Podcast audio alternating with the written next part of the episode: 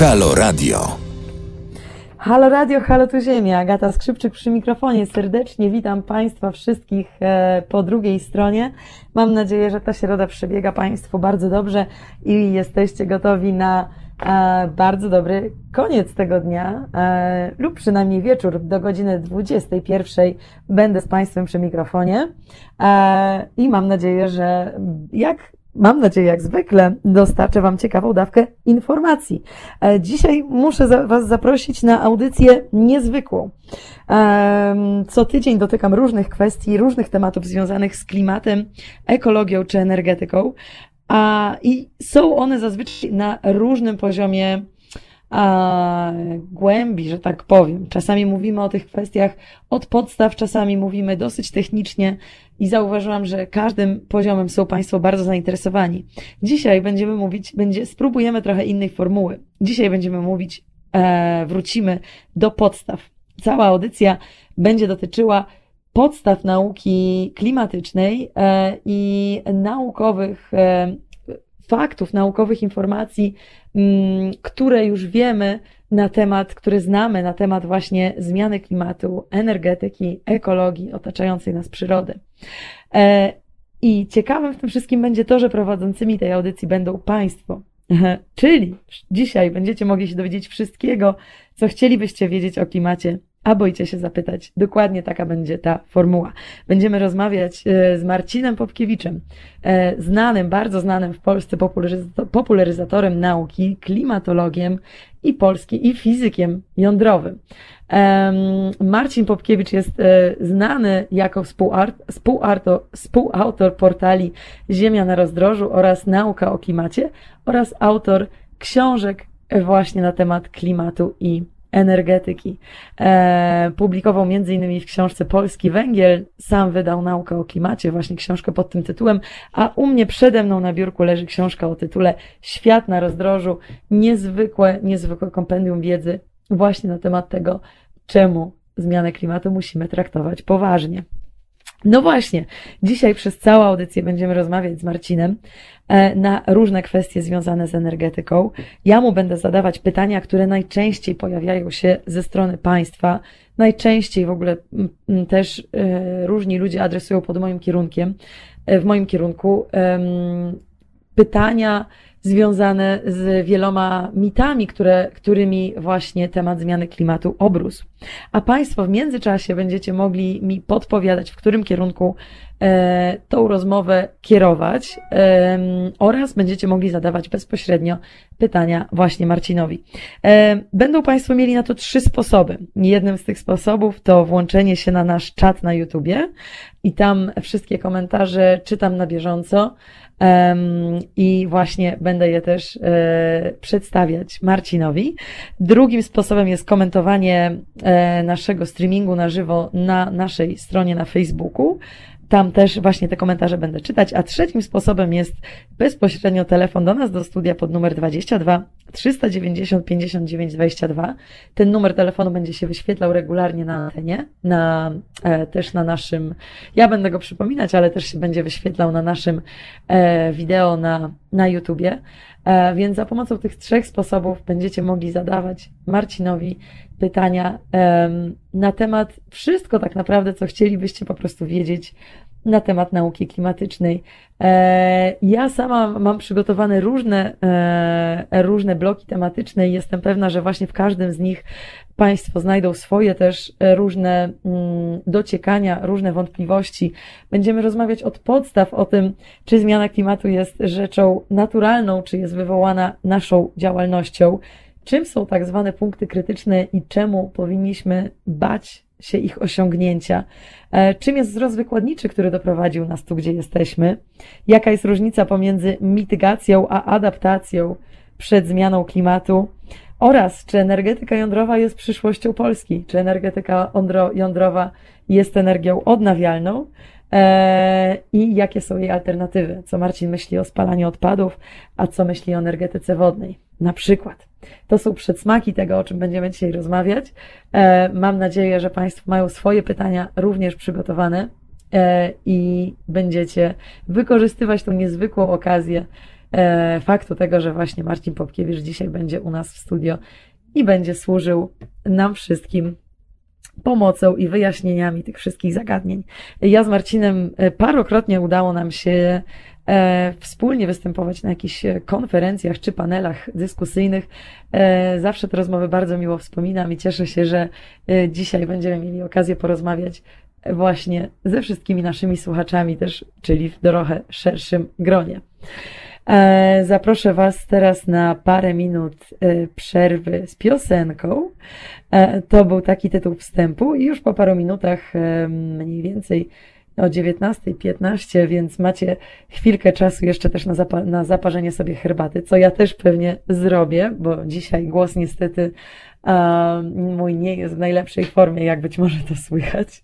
E, W każdym razie, no właśnie, e, wykorzystajmy tą chwilę przerwy i już po chwili Marcin Popkiewicz będzie z nami na antenie i zaczynamy tą naszą niezwykłą dzisiejszą podróż. Do usłyszenia za chwilę. Słuchajcie powtórki programu.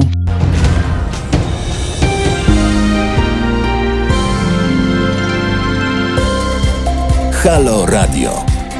Pierwsze medium obywatelskie.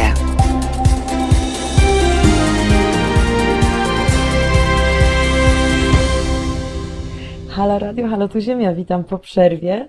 E, już jest 17 minut po godzinie 19, to znaczy, że startujemy z naszą dzisiejszą audycją. A ze mną w studio po drugiej stronie mikrofonu jest Marcin Popkiewicz, polski fizyk jądrowy, popularyzator nauki i autor książek, innymi Ziemia na rozdrożu oraz Nauka o klimacie.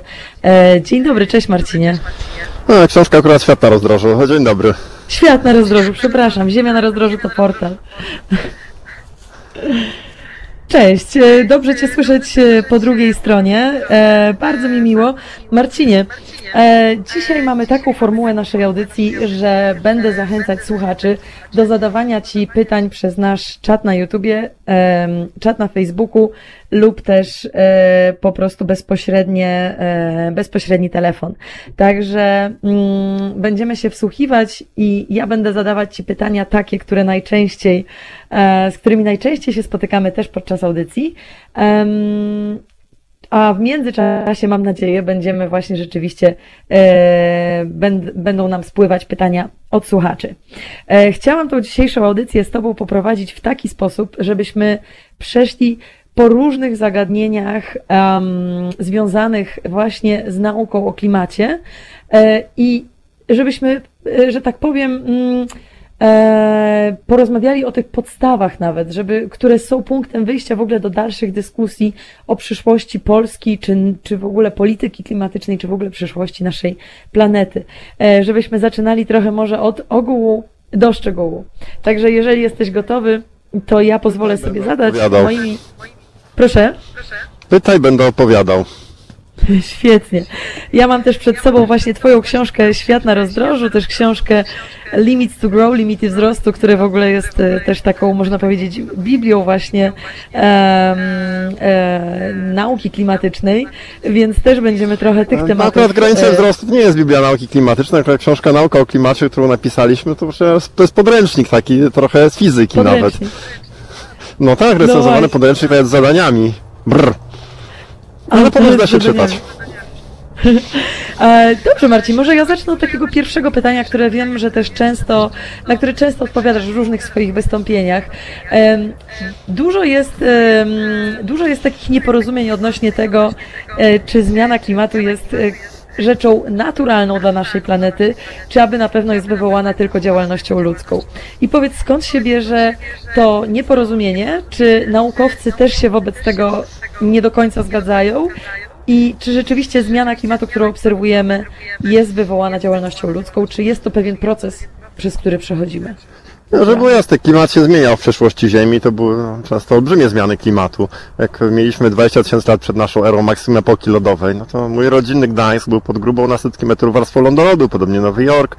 No, to, to zupełnie inna planeta była. Były też cieplejsze okresy miliony lat temu, czy za dinozaurów, kiedy temperatura była wyższa o parę stopni i w ogóle nie było lodu nawet na biegunach. E, Więc klimat się zmienia oczywiście i wiemy dlaczego on się zmieniał, jakie czynniki to powodowały.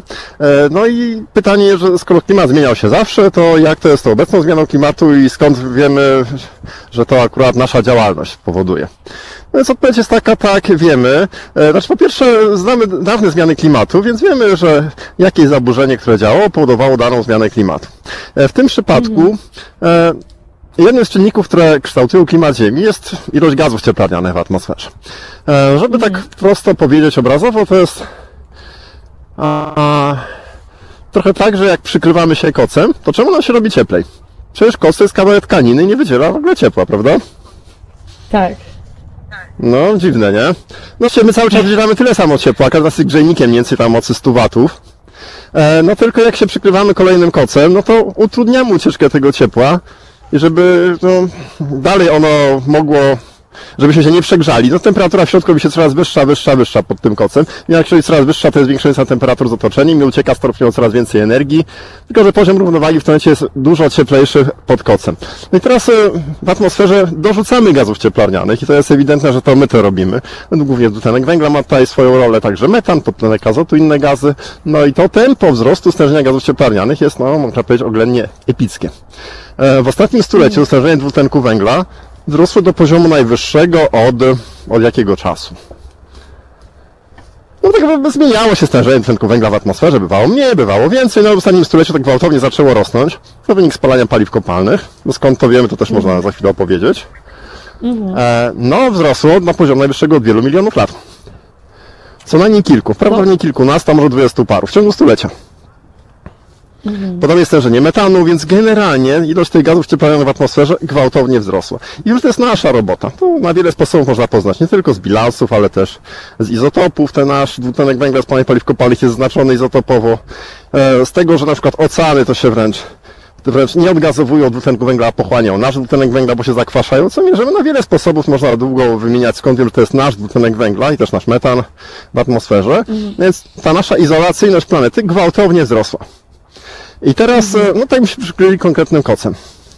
E, I teraz tak, mamy satelity na orbicie, które mierzą, co tam ze Słońca przylatuje, promieniowanie emitowane z Ziemi. I na przykład widzimy, że w ostatnich latach, dekadach, ilość promieniowania, które ucieka z Ziemi, zmniejszyła się. To mamy ten grubszy koc, jakby tej izolacji gazów cieplarnianych, które blokują ucieczkę promieniowania i my mierzymy na jakichś długościach fal, o ile mniej promieniowania ucieka. Teraz możemy posumować po tych różnych długościach fal, ile mniej ucieka po całej powierzchni Ziemi i policzyć w tym momencie, jak się zmienił bilans energetyczny planety. Tak by się dostaje ileś tam energii od Słońca, no ale ucieka mniej, bo mamy grubszą izolację. No i teraz skoro mamy taką sytuację, że no mierzymy z tych satelitów i nie tylko, że energii z Ziemi ucieka mniej, bo grubsza izolacja, ale na tych długościach fal, że tam dwutlenek węgla, metan pochłaniają, no to możemy sprawdzić ten bilans, patrząc, jak się zmienia ilość energii w ziemskim stanie klimatycznym. Bo skoro ucieka mniej, niż dostarczamy, no to energia powinna się kumulować w ziemskim stanie klimatycznym. No i głównie w oceanach oczywiście może się kumulować. No, 70% powierzchni Ziemi, e, duża pojemność cieplna, łatwo mieszają ciepło w głąb. No i mamy... No właśnie, jakbyśmy... No taka zagadka. Jakbyśmy dostali zadanie domowe, jak się zmienia energia termiczna oceanów. Trudne, prawda? Gdybyśmy mieli to zmierzyć. A gdybyśmy dostali prostsze zadanie. Jak się zmienia temperatura wody w wannie? Jakiego przyrządu pomiarowego byśmy użyli? Termometru. Brawo, no termometru. Oczywiście oceany są dużo większe od wanny e, i bardzo głębokie. No i z tych termometrów naukowcy narzucali tysiące. Są takie termometry, w automatyczne boje pomiarowe, które sobie pływają tysiącami po oceanach, nurkują na głębokość tam 2-4 kilometrów, mierzą po drodze temperaturę, a jak się wynurzą, nadają do satelity, co zmierzyły. Więc wiemy, jak się zmienia temperatura w oceanach, w różnych miejscach, dzień po dniu, rok po roku, na różnych głębokościach. I teraz jak się pomnoży tą temperaturę wody przez masę i ciepło właściwe, to otrzymujemy energię. No i widzimy, że oceany się nagrzewają. I co bardzo ciekawe, to ta ilość energii, która się kumuluje w oceanach, dokładnie pasuje do tego mierzonego z satelitów e, bilansu energetycznego, ile mniej energii ucieka, bo gazy cieplarniane na jakichś długościach fal to pochłaniają. Więc tak wiemy, że Ziemia się nagrzewa. Nie tylko ocean się nagrzewa. Nagrzewa się atmosfera, co widzimy jako wzrost temperatury powietrza. E, I lody topnieją, to też pochłania trochę energii. I grunt się nagrzewa. No ale to jest izolator, więc trochę mniej. Generalnie głównie ocean, 90 parę procent energii trafia w oceany. Więc wiemy, że Ziemia się nagrzewa i wiemy dlaczego, bo to jest to nierównowaga energetyczna związana z gazami cieplarnianymi. To jest naprawdę prosta fizyka e, i to, że zmiany klimatu zachodziły zawsze w historii Ziemi, można powiedzieć, no to nie znaczy to, że my nie możemy ich powodować. To jest trochę tak jak pożary lasów się zdarzały, więc w takim razie nikt nie mógł zaproszyć ognia, można by powiedzieć, tak?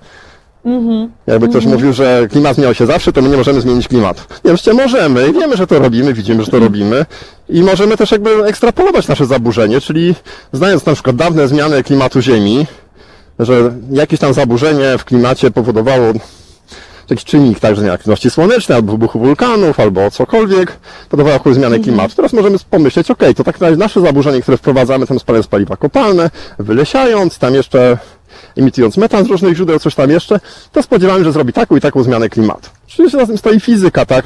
Podstawowe prawa fizyki, rozumiemy, co się dzieje. No ale już trochę się chyba rozkręciłem w odpowiedzi na Twoje pytanie.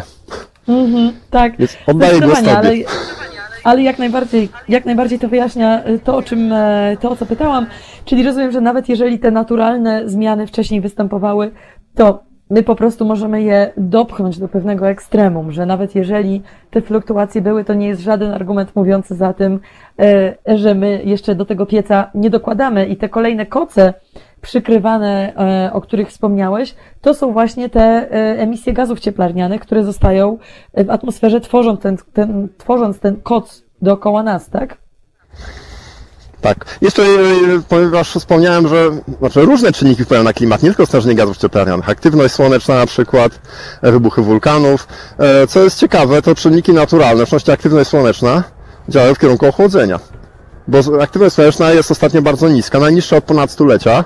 Słońce świeci słabiej, więc co powinniśmy obserwować w wyniku naturalnych zmian klimatu? Przy okazji zmiany orbity Ziemi też działają w kierunku ochłodzenia, jakby ktoś się pytał. No powinniśmy obserwować ochłodzenie a mamy no, najcieplejsze lata w historii pomiarów. Więc to oznacza, że te naturalne fluktuacje, akurat działające w kierunku ochłodzenia, tak naprawdę to nasze zaburzenie w stanie klimatycznym e, jest dużo większe.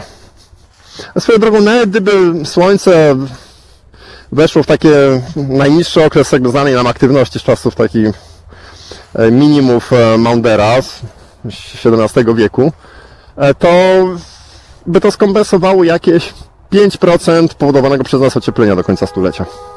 Aha, aha. Więc po prostu A- przebijamy naturalne zmiany klimatu naszymi działaniami niesamowicie.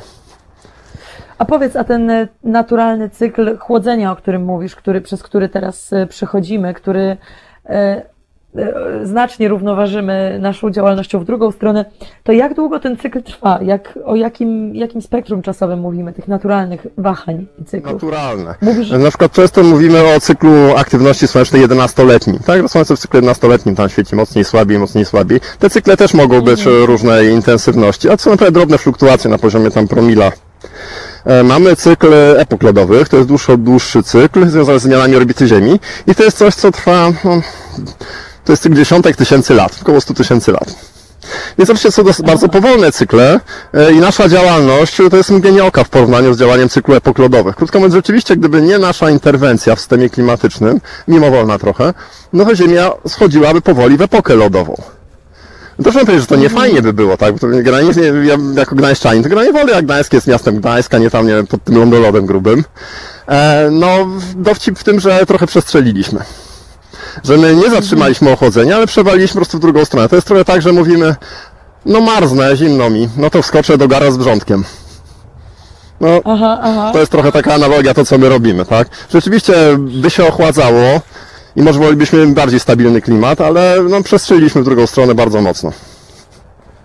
No właśnie, a powiedz też, bo y, pewne działania, które spowodowały to przestrzelenie, o którym wspomniałeś, one były rozpoczęte jakiś czas temu. Wspomniałeś, że e, ten cykl, mm, ten wpływ działalności ludzkiej na, na, na zmianę klimatu obserwujemy przed, najmocniej przez to ostatnie stulecie. I powiedz, jak długo zajmuje mniej No, więcej ostatnie dekady w reakcja zasadzie natury, najwyraźniej. Ostatniej dekady. Jak długo zajmuje reakcja, y, reakcja zwrotna natury na to, co robimy? Na przykład na wyemitowany właśnie przez nas y, poziom gazów cieplarnianych. Jak długi czas musi minąć do ogrzewania się oceanów, chociażby właśnie przez to? Jak y, jest to bardzo ładnie to opisałaś. spektrum czasu? No powiedzmy, że ustawisz postawisz garnek na kuchence i odpalisz ogień. No i chcesz wodę zagotować. To jak odpalasz ogień, to od razu masz gotującą się wodę? No nie, temperatura rośnie, prawda? Tam o stopień, 2, 5, 10 stopni musisz poczekać. Jak tej wody jest dużo, no to musisz poczekać naprawdę długo. I generalnie oceany nagrzewają się bardzo powoli oczywiście. Mają olbrzymią pojemność termiczną. E, mniej więcej jest to opóźnione o, w zasadzie jak liczyć, tak? To jest małe dekady, 20, 30, 40 lat. Mniej więcej, więc y, widzimy tutaj dopiero jak nasze ogrzanie rozpędza. No powiedzieć w ten sposób, że te gazy cieplarniane, które już pakowaliśmy do atmosfery, podgrzałyby nam planetę jakieś 2-3 stopnie. Tylko jeszcze tego nie widzimy właśnie. No bo oceany dopiero się nagrzewają, więc ogrzałość tam o stopień z haczykiem małym. A tego kompensujemy trochę e, e, wpływ gazów cieplarnianych, które ogrzewają powierzchnię Ziemi, e, poprzez smog.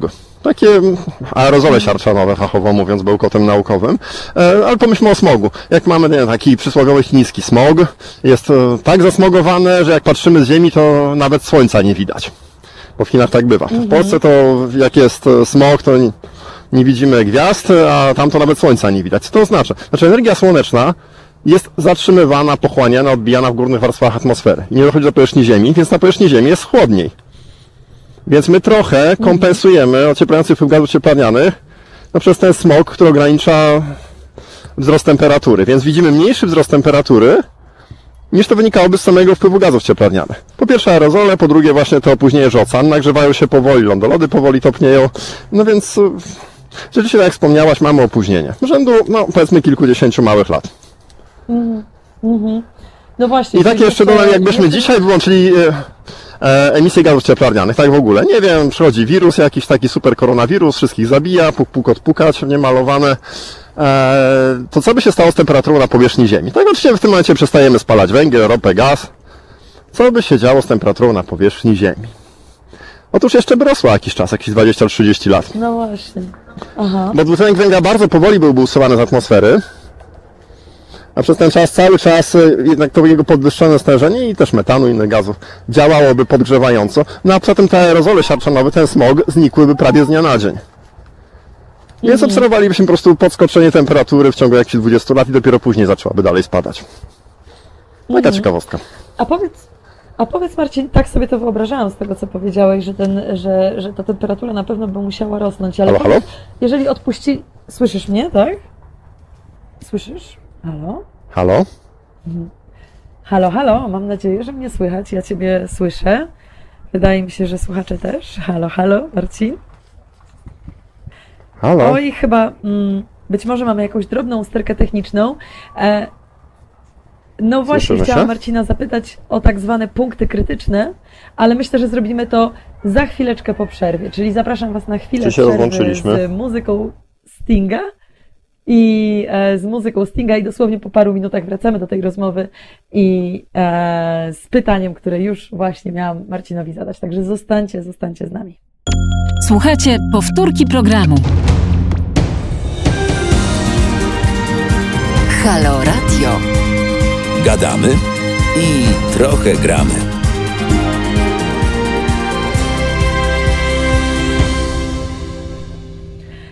Halo Radio, halo tu Ziemia, witam Państwa serdecznie. Agata Skrzypczyk przy mikrofonie, ze mną po drugiej stronie Marcin Popkiewicz. Mam nadzieję, że słyszy nas e, dobrze i że my go słyszymy. No, słyszymy halo, się. Marcinie. Halo, Jest, słyszymy się. dobrze, słychać Cię. Halo, tak, radio. słychać Cię dobrze.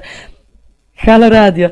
E, chwilę przed przerwą mówiliśmy, em, rozmawialiśmy o tym, co by się stało z Ziemią, jeżeli byśmy sobie z jakiegoś powodu odpuścili. W takim e, surrealistycznym scenariuszu, jeżeli nas by przestało po prostu, przestalibyśmy istnieć, przestalibyśmy emitować, jakby, e, jakim torem jeszcze szłaby temperatura na Ziemi, temperatura oceanów. Mm, Ale zastanawiam się, czy my jesteśmy, czy to jest jeszcze możliwe? Czy nie przeszliśmy już takich punktów e, w tej naszej działalności, które sprawiają, że natura nie jest w stanie już się cofnąć do tego punktu, w którym, w którym była, zanim przestaliśmy z nią, zanim zaczęliśmy z nią grać? Czy to jest jeszcze możliwe w ogóle? Znaczy jeszcze jest wiele punktów krytycznych oczywiście i mam nadzieję, że z najbardziej poważnych, typu odtlenienie oceanów, e, rozkwit bakterii siarkowych i otworzenie scenariusza wielkiego wymierania, jak to miało parę miejsce razy w geologicznej historii Ziemi, że jeszcze tak daleko się nie posunęliśmy. I pytanie jest, czy te Mhm. punkty krytyczne są, tak? Jest oczywiście wiele jakby badań na ten temat. No właśnie, może, może jakbyś mógł wytłumaczyć, jakbyś mógł wytłumaczyć, czy te, czy, czy, co się kryje za tym terminem punktów krytycznych? Dobrze, znaczy jak mamy na przykład e, kulkę, która leży sobie na takiej pofalowanej e, powierzchni. I ona sobie leży w jakimś dołku. Jak ją próbujemy trochę przesunąć, popchnąć lewo, w prawo, no to ona sobie wraca z powrotem tego dołka, w którym była. Ale jak popchniemy ją dalej, tak że ona przeskoczy przez garb i wpadnie do innego dołka, to będzie siedzieć w tym innym dołku. Generalnie ziemski system klimatyczny też ma takie stany z grubsza stabilne. Na przykład można powiedzieć, jakim stanem jest, no, z grubsza powiedzmy stan obecny. Tak, no wiem, że jest stabilny, on jakiś tam istniał. E, Jest e, stan e, z grubsza stabilny epoki lodowej, kiedy tam Ziemię pokrywają duże czapy lodowe. To jest, i są jeszcze stany bardziej lodowe były, na przykład Ziemia Śnieżka, skuta lądolodem aż porównik. No wyobraźcie na przykład tego typu sytuację, że Ziemia z jakichś względów się ochładza tak bardzo, że lodowce schodzą aż do równika i cała Ziemia jest wielką, taką białą, lodową, śnieżną kulką. No ta kulka Mhm. oczywiście odbijałaby światło słoneczne jak zwierciadło. E, No i Mhm. no, Ziemia dzisiaj no, pochłania jednak większość energii, e, a tak by ją odbijała, więc byłoby dużo chłodniej. I pytanie w takim razie, skoro Ziemia byłaby sobie skuta lodem, aż porównik, to jakim cudem Ziemia miałaby wyjść z tego stanu? Tak, to jest po prostu inny punkt. I jak tak lodowce e, narastały, narastały od bieguna, z przekroczeniem gdzieś tam 30 równoleżnika, po prostu dalej już całą Ziemię pokryłby lód. E, jeszcze innym przypadkiem jest Ziemia cieplarniana, kiedy mamy w ogóle sytuację Ziemi bez lodu. Więc Ziemia może istnieć w paru takich stanach i no my granie lubimy ten stan, w którym Ziemia jest obecnie, tak? Do zaadaptowaliśmy i my, jako gatunek, i nasza infrastruktura. Na przykład tutaj na Ziemi śniewce nie chcielibyśmy żyć. Albo jeszcze dalej są inne punkty krytyczne, jakby się tak Ziemia bardzo podgrzała, wyparowałyby oceany, e, woda para wodna uległa rozkładowi w wysokich warstwach atmosfery, wodór by uciekł, tlen związałby się z węglem, mielibyśmy atmosferę dwutlenku węgla, no to był scenariusz, którym podążyła Wenus, która była trochę bliżej Słońca, dostała więcej energii i tam oceany wyparowały właśnie, wodór uciekł, tlen połączył się z węglem, no i teraz mamy planetę, gdzie mamy atmosferę z dwutlenku węgla, taką o ciśnieniu 100 atmosfer, e, to jest bardzo silny efekt cieplarniany do tego, tam temperatura jest e, 400 kilkadziesiąt stopni Celsjusza, no spokojnie ołów by się topił w tych warunkach, E, no i to też jest stan stabilny. E, Więc e, znaczy pewnie nie, aż tak nie podgrzejemy, żeby zrobić z niej Wenus, od razu uspokajam. Chociaż przejściowo moglibyśmy ją w taki stan sprowadzić, jakbyśmy mieli pecha i byśmy się zawzięli, żeby faktycznie spalić wszystkie paliwa kopalne. No tylko, żeby Ziemia straciła wodę, to oceany musiałyby być w takim stanie no, przez no, setki milionów lat, tak więc e, to nie miałoby miejsca, bo szybciej doszłoby do jednak usunięcia dwutlenku węgla z atmosfery w wyniku tam różnych procesów, Mhm. wietrzenia skał, e, deszczu i tak dalej. E, Więc e, czegoś takiego aż nie zrobimy, żebyśmy mieli całkowicie zamordować życie na Ziemi. Jak możemy przejść do takiej wersji Ziemi cieplarnianej, e, że no, w paru wersjach to może występować. Albo wersje takie jak nie wiem, za dinozaurów na przykład, że było trochę cieplej. Generalnie po drodze, kiedy są ocieplenia, to system ziemski klimatyczny ulega takiej destabilizacji, że przechodzi przez etap wielkiego wymierania. A to jest to trochę szersza opowieść, którą oczywiście mogę posnuć, e, ale, ale nie wiem, może jakieś inne pytanie. No właśnie, każda rzecz e, w zasadzie, z której, która, która mówisz, jest warta rozwinięcia i ten e, wielkie wymieranie też jak najbardziej, ale jeszcze może właśnie do początku tego, tego, tego pytania, Em, czyli jeżeli dobrze rozumiem, część tych punktów krytycznych już osiągnęliśmy, bo naukowcy, e, tak jak wspomniałeś, te punkty krytyczne zidentyfikowali. Być może są jeszcze jakieś, których, em, których jeszcze nie, nie zidentyfikowaliśmy, które mogą nas zaskoczyć. Rozumiem, że do części ich już em, doszliśmy. A powiedz właśnie, ja też na antenie radia mówiłam chyba dwa czy trzy tygodnie temu o wycieku metanu e, w Antarktyce i powiedz, e, właśnie tam też było w informacji, która się pojawiła na ten temat, było wspomniane, że to też jest jeden e, z tych punktów krytycznych właśnie przez e, naukowców zidentyfikowanych. Czy rzeczywiście e, ten Znaczy, wyciek dyskusja metanu... na temat tego, na ile to już się zaczyna, na ile to jest jakby częścią rzeczy takich naturalnych, które już wcześniej miały miejsce. Generalnie to jest tak, że w dnie oceanicznym są takie pokłady no, metanowego lodu, można powiedzieć. No, się nazywa hydraty metanu. Mhm.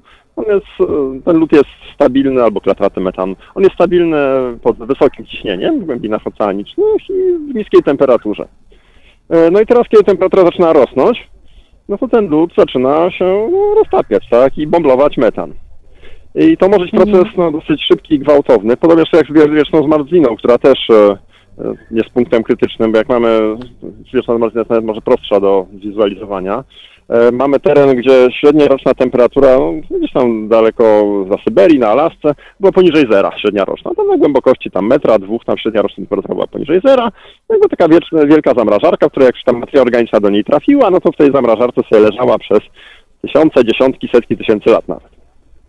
No i teraz, kiedy temperatura zaczyna rosnąć w wyniku ocieplenia, no tam temperatura przekracza zero, no i zaczynają się procesy rozkładu materii organicznej.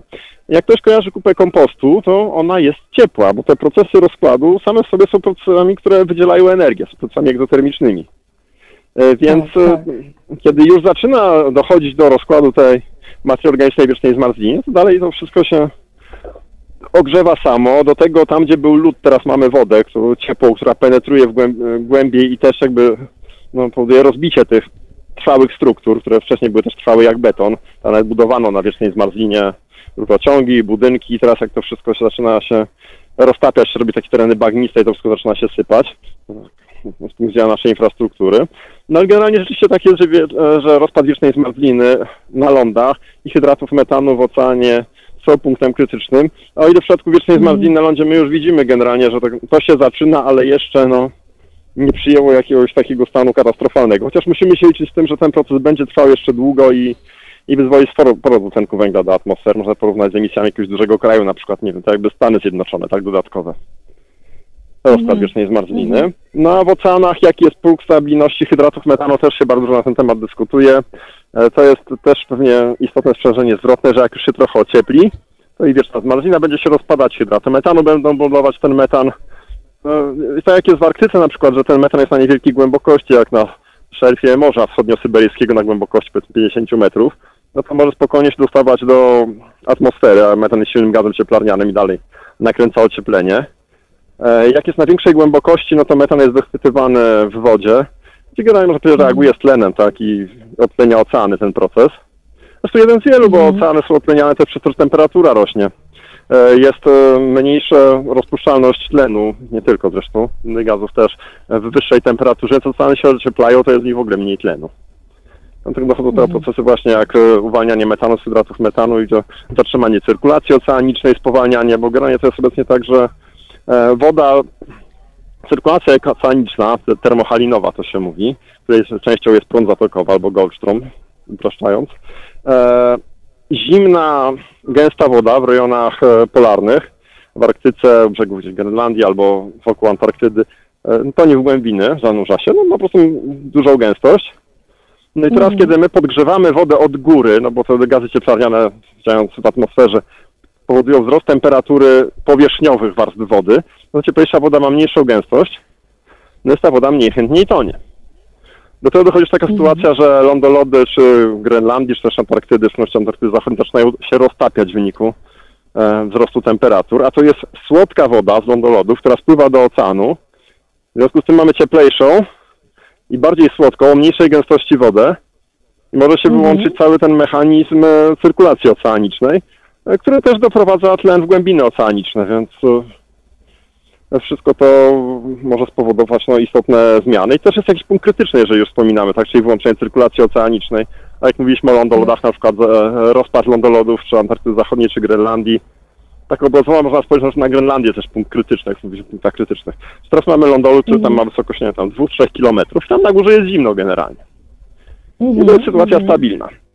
No jakbyśmy mieli taką sytuację, że lodolodu by nie było na Grenlandii, no to na, na wysokości tam jest 100-200 metrów nad poziomem morza, no jest jednak dużo cieplej, tak, więc tam tego lodu nie ma.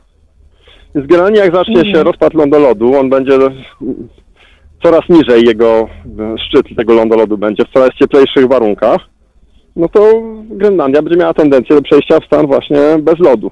Powiedzieć, że no, no fajnie, będziemy mieli wielką wyspę, największą na świecie do dyspozycji, tylko że przy okazji, kiedy ten lądolód stopnieje, to oczywiście woda z tego lądolodu spłynie do oceanu i tak średnio nam poziom morza wzrośnie o 7 metrów. Dla mnie jako dla Gdańszczanina znowu tak słabo to widzę. Tak, a to jestem też 7 nurkiem, więc no, aż. nurkowanie na długim targu byłoby jak znalazł. To by tak było trochę- bardzo ciekawe, zobaczyć wszystko to, co z własnej winy zatopiliśmy, zatopiliśmy pod wodą. No to też, też nie z dnia na dzień, żeby było jasne, to jednak jest coś, co potrwa. No, jakby miał dojść do bardzo szybkiego rozpadu lądolodu, no to generalnie mówimy o powiedzmy dwóch, trzech, maksymalnie pięciu metrach w ciągu stulecia. Mhm. A powiedz, y, a powiedz, czy jesteśmy w stanie powiedzieć, które y, nadać jakiś taki y, wagę y, działaniom, działalności człowieka i powiedzieć, które z tych działań właśnie najbardziej nas popychają w kierunku osiągania tych punktów krytycznych? Czy No, możemy no, powiedzieć, ja zacznę jak fizyk w takim razie. strzelamy? Zacznę jak fizyk, kontynuując to, co Śmiało. wspomniałem wcześniej. Znaczy, my generalnie wiemy, jak które gazy wpływają na bilans energetyczny planety. Tak, ileś tam. Dwutlenek węgla powoduje, że ileś tam watów na metr kwadratowy mamy lepszej izolacji, metan powoduje, więc możemy podzielić to, jaki jest wpływ dwutlenku węgla, jaki metanu. Teraz wiemy, jakie, dlaczego na przykład rośnie ilość dwutlenku węgla w atmosferze, jakie są proporcje z grubsza. Spalania paliw kopalnych, czyli tam węgla, ropy, gazu, że jak je spalamy, dwutlenek węgla trafia przez komin rurę wydechową do atmosfery, ile z wylesiania, ile tam z produkcji cementu, czy jeszcze jakichś tam innych procesów, więc możemy to generalnie przyporządkować tak, że spalanie paliw kopalnych to jest tyle procent, na przykład, nie wiem, węgiel, ropa, gaz tyle, e, cement tyle, wylesiania nie tyle, e, krowy wydekują tyle, a tyle metanu e, i mają w związku z tym taki procentowy udział w, efekt, we wzmocnieniu efektu cieplarnianego. Generalnie my wzmacniamy efekt cieplarniany, to zupełnie naturalne zjawisko, tylko no, i teraz mniej więcej jakby tak podsumować, to paliwa kopalne to jest jakieś około 2 trzecich. 60% z jakimś haczykiem. E, Spalanie paliw kopalnych, węgla, ropy, gazu. Em, Wylesianie to jest jakieś no, 7-8%. Produkcja cementu troszkę mniej, około 5%. No i do tego dochodzą inne gazy, czyli metan, tu akurat mamy trzy mniej więcej zbliżonych proporcjach. Pierwsze to są przeżuwacze, które metan z obu stron wypuszczają. Em, Ryżowiska, które też idą emisję metanu e, i z odpadów. No mamy jeszcze inne gazy, typu tlenek azotu, różne gazy przemysłowe, ale to już jakby mają pojedyncze małe procenty, czy nawet promile. Jest głównie dwutlenek węgla z paliw kopalnych. Mniej więcej dwóch trzecich. Mhm. Mhm. No właśnie, tu jest No to pytanie jest też o problem, bo paliwa e, kopalne to jest kopalnych, podstawa naszej gospodarki. No właśnie, przede wszystkim też pytanie o energetykę. Tutaj mamy sporo e, pytań od słuchaczy. O Nie tylko, raczej o energię powiedziałbym, bo że- ludzie kojarzą, że transport to nie jest energetyka dla ludzi, Tak. tak? Czy palenie w piecu domowym też nie jest energetyka. No to no, wszystko jedno, czy palimy ten węgiel w z dwutlenku węgla w elektrowni, czy e, w domowym e, kotle. Tak, tak, no właśnie. Ale wiesz co, e, Marcin, widzę, że jest, zostało parę minut do godziny 20, więc e, wydaje mi się, że ten temat energetyki zostawimy na po przerwie, bo wiem, że tutaj też będzie, em, będzie sporo pytań z, tych, z, tym, z tym związanych. Em, no właśnie, o co jeszcze tutaj mogę podpytać z tym, co, e, o czym mówiliśmy? Wspomniałeś o, o wielkim wymieraniu. Mówi się, że w tej chwili przechodzimy przez szóste wielkie wymieranie. Czy mógłbyś też może w paru, w paru słowach właśnie e, powiedzieć, czy to już, czy to jest nadal, czy to jest tylko teoria, że już mamy do czynienia z, z szóstym wielkim wymieraniem, masowym wymieraniem? czy- jasno, ono jeszcze nie nastąpiło. jest, Tak e, wielkie wy- wymierania kwalifikuje, że to jest generalnie, że powyżej 70% gatunków znika. Tyle jeszcze nie znikło. Aczkolwiek można Mhm. powiedzieć, że ten proces trwa i wręcz przyspiesza, więc faktycznie jest to proces w trakcie. E, Mówimy o zmianie klimatu, żeby było jasne, tutaj zmiana klimatu obecnie nie gra dominującej roli w tym. Raczej jest- to kwestia utraty siedlisk. No tak, no, Ziemia ma ileś tam kilometrów kwadratowych. No i na tej ziemi, jak przed człowiek, to były tam lasy, były rzeki, tam inne naturalne ekosystemy. No i człowiek zaczął robić sobie na tym pola, miasta, jakąś infrastrukturę, kopalnie, plantacje desek, tak, bo tak wolimy to zamiast dzikiego lasu, bo to tak gospodarczo lepiej się, bardziej zyskownie jest.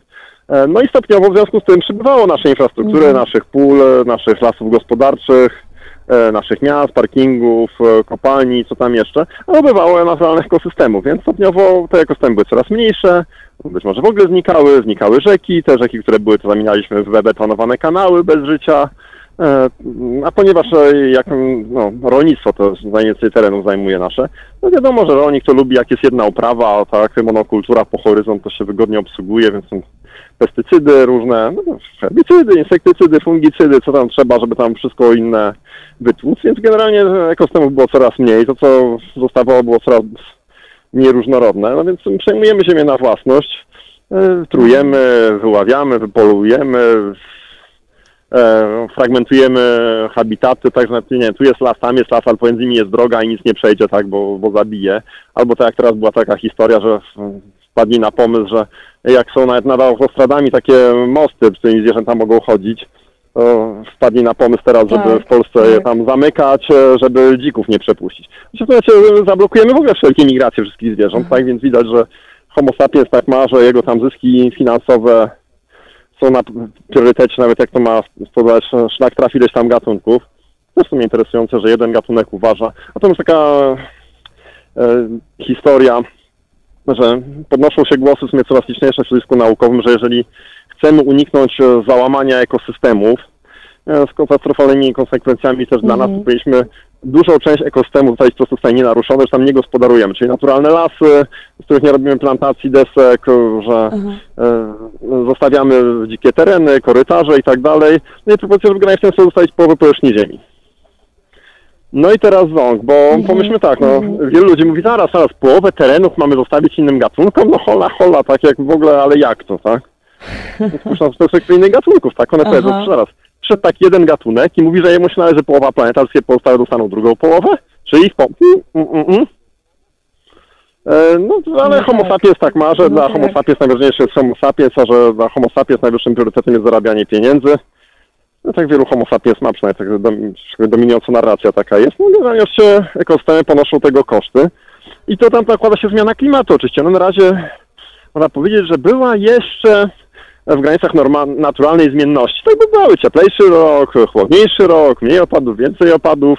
No i jakieś to powiedzmy, jeszcze ta zmiana klimatu, przesuwający się klimat mieścił się w ramach tej naturalnej zmienności, ekosystemy sobie z tym radziły. No ale już generalnie ta zmienność naturalna wychodzi poza ten naturalny przedział. No pomyślmy o Polsce na przykład, taki polski klimat z polskimi zimami, tak? No ci słuchacze, którzy tam mają 30, 40 czy 50 lat, to jak pamiętają te zimy, to one były kompletnie inne, tak? No i w takich warunkach kompletnie inny ekosystem jednak byłby, to już jest duża różnica temperatur. Z grubsza teraz e, Mazowsze ma taki klimat, jak e, był w XIX wieku na nizinie węgierskiej termiczny. A z kolei klimat niziny węgierskiej przesunął no się już proszę. mocno w stronę włoskiego. No Więc Mhm, widać, że te ekosystemy mhm. zmi- zmieniają się bardzo, no i to powoduje, że rośliny, które rosną w danym ekosystemie mają problem, bo to już nie robi się nie ich strefa klimatyczna, a z roślinami to są związane różne zwierzęta, często bardzo blisko gatunek z gatunkiem, albo określony musi być e, czas, e, kiedy kwitnięcie, wykluwanie się czegoś tam, przeloty się synchronizują, to wszystko się desynchronizuje. To zaczyna mieć coraz większe znaczenie. E, na przykład zakwaszanie oceanów spowoduje wymieranie raf koralowych i wzrost temperatury. Wzrost temperatury to ludzie rozumieją skąd się bierze, no są coraz cieplejsze oceany, one tam pochłonęły mnóstwo energii. Znaczy nie wspomniałem, że oceany się nagrzewają, nie wspomniałem jak szybko. Mhm. To też jest ciekawostka, e, może powiem. E, generalnie jakbyśmy przeliczyli, no jak powiem, że ileś tam, nie wiem, bilionów, bilionów Juli, to nikomu nic nie powie. Ale jak e, byśmy przeliczyli tempo nagrzewania się oceanów na mm, detonację bomb atomowych klasy Hiroshima. To jak często trzeba by detonować taką bombę, żeby jej cała energia podgrzewała oceany tak szybko, jak to obserwujemy? No w ostatnich pięciu latach mniej więcej 6 bomb na sekundę. Mhm. Pół miliona bomb atomowych dziennie. Mierzymy, że oceany pochłaniają tyle ciepła, tak, no w wyniku właśnie tej nierównowagi energetycznej, bo gazy cieplarniane nie wypuszczają promieniowania z powierzchni naszej planety w kosmos. Więc tak oceany tu nadwyżkę ciepła akumulują, no i no i mamy morskie fale. Upałów coraz częściej, koralowcom to nie służą, rzucają swoje symbiotyczne algi, e, ale mamy też zakwaszenie oceanów. My pompujemy do atmosfery no, dobrze ponad 1000 ton dwutlenku węgla na sekundę, 1000 ton na sekundę, no i mniej więcej 1 czwarta trafia tego w oceany. No i oceany pochłaniają nasz dwutlenek węgla. To jest tak, e, osoby starszego pokolenia może kojarzą takie urządzenie jak syfon do robienia wody gazowanej. Tak brało się taką stalową butlę, napełniało Aha. wodą, nabój z dwutlenkiem węgla i robiła się woda gazowana. Tak się robi wodę mineralną, tak, woda plus dwutlenek węgla. No i teraz my z oceanu sobie taką wodę gazowaną. Tak, oceany pochłaniają nasz dwutlenek węgla. To Milion ton na godzinę z haczykiem. E, No i co to oznacza? No, Mhm. no to jest kwas węglowy. Jak ktoś jest teraz nad morzem z naszych słuchaczy, to może sobie na plaży znaleźć taką małą muszelkę, pójść do jakiegoś sklepu, kupić taką dużą, dwulitrową butlę wody mineralnej, dobrze gazowanej, odkręcić tą butelkę, wrzucić do środka muszelkę, zakręcić, postawić butlę w kącie i tam za parę dni wrócić i popatrzeć na tą muszelkę. I co zobaczymy? Co zobaczymy?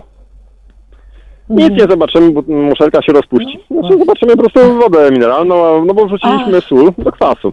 Wrzuciliśmy węgla wapnia do kwasu węglowego, Aha, tak, się rozpuściło. No i ten sam proces zachodzi w oceanach, tak, gdzie zwierzęta mają coraz bardziej kwasowe środowisko, znaczy formalnie mniej zasadowe, tak. To ciągle jeszcze nie jest tak, że to jest e, poniżej 7 Mhm. pH, ale jest na tyle mniej zasadowe, że już po prostu zwierzaki nie są w stanie budować sobie wapiennych skorupek, szkielecików, no bo to już jest zbyt mało zasadowe robi. I koralowce należą do tej kategorii, a też różne Mhm, małże, mhm. skorupiaki, różny zooplankton. Więc jakby sposobów, w jaki wywieramy Mhm. presję na ekosystemy i tą sieć życia prujemy, to no, długo można wymieniać. Na polowaniach, To o zanieczyszczeniach, jest w Polsce też co chwilę jakiś zakład tak. rzuca jakiś tam nie wiadomo co do jakiejś bary czy czegoś innego, nikt tego nie pilnuje. No, efekty uboczne działalności gospodarczej. Także tam po drodze tysiące ryb zginą, No. czyli to problem. Nie ryby niczyje, no właśnie, tak? to jest ciekawe to, co czyjeś. mówisz, że też tak. Ciekawe to, co mówisz, że z jednej, je- z jednej strony jest nasz wpływ na zmianę klimatu, a z drugiej strony jest nasz bezpośredni wpływ, który wywieramy, po prostu presję, którą, którą wywieramy właśnie na nasze środowisko naturalne, na wszystkie gatunki zwierząt. I tak jak, jakby też ważne jest to rozróżnienie tutaj, jakby ważne jest rzeczywiście zauważenie, że to są dwa różne typy mm, działalności, które jednocześnie mają podobny efekt, tylko jeden ma trochę może bardziej na em, właśnie e, Tych typów masz wiele. fizyki, Masz na działania rolnicze, drugi- że powoduje, że są monokultury. No. Masz polowania, e, masz e, wiesz, budowę dróg i fragmentację ekosystemów, masz zmianę klimatu. Masz bardzo wiele różnych takich naszych działań, które można powiedzieć, Tak. wiesz, można ustawić je w liście, a można postrzegać jako pewien, wiesz, no, problem systemowy, tak, że my, wiesz, sobie robimy dobrze pod względem gospodarczo-społecznym, a, a środowisko płaci swoją cenę, tak, no, że ryby głosu nie mają, tak, takiego Tak. urnie wyborczej. Tak. Marcin, słuchaj, minęła godzina 20, to znaczy, że musimy e, zrobić chwilkę przerwy. E, Chciałabym z Tobą po przerwie też porozmawiać właśnie e, o systemie gospodarczym, może trochę bardziej też o przyszłości energetyki. Słyszałem też, też pytania temat od e, pytania słuchaczy. Od słuchaczy. Tak, dokładnie, dokładnie pytania od słuchaczy, także zostań proszę też z nami na linii, wspólnie, wspólnie wysłuchamy, e, wysłuchamy piosenki e, i po paru minutach usłyszymy się z powrotem, e, no to właśnie, po dosłownie parę minut po godzinie 20. Zostańcie proszę Państwa z nami. No, Okej. Słuchajcie powtórki programu.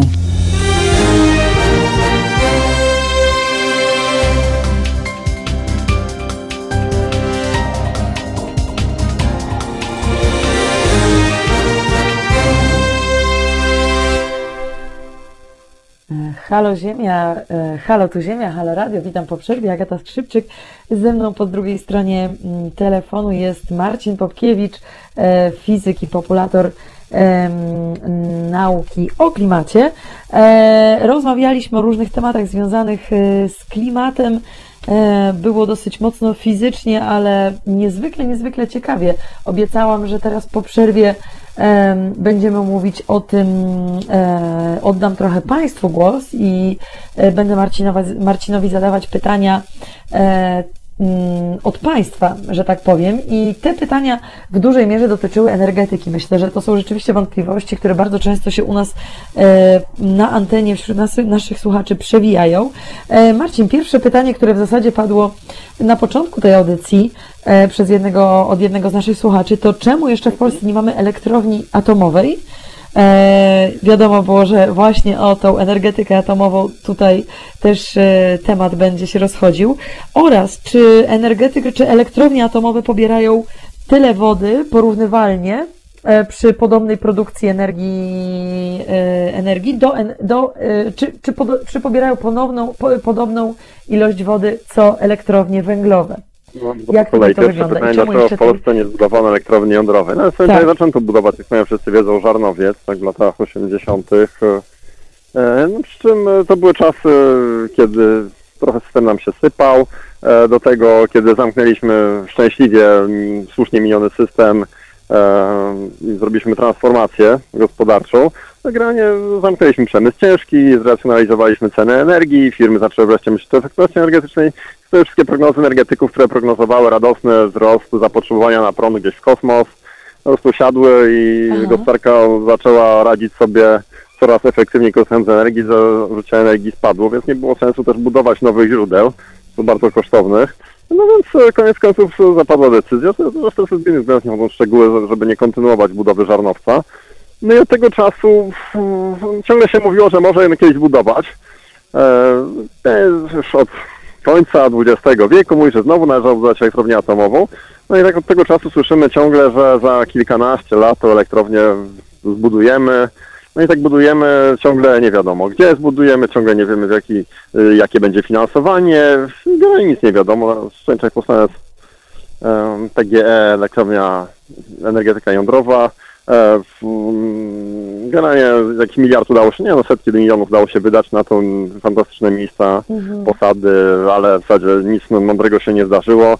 Ciągle jesteśmy w tym samym punkcie. No i nie powstało no, z wielu względów. No, e, jest względ ekonomiczny, bo to jednak wymaga nakładów elektrownia jądrowa dziesiątek miliardów złotych, a nasze obecne firmy energetyczne robią bokami, zresztą no, trochę na własne życzenie, bo po pierwsze im firmom energetycznym, tam PGE, Tauronowi powieszono uszy i kopalnie, żeby je finansowały, więc wszelkie zyski, jakie miała energetyka, trafiły do utrzymywania przy życiu węglowego trupa. E, Do tego, ponieważ nasze firmy energetyczne, no, wiadomo, są rządzane hmm, państwowo, krewni znajomych królika, miejsca w radach nadzorczych, one nie są szczególnie efektywne, nie mają szczególnych nadwyżek finansowych, to jest jakby e, długa historia.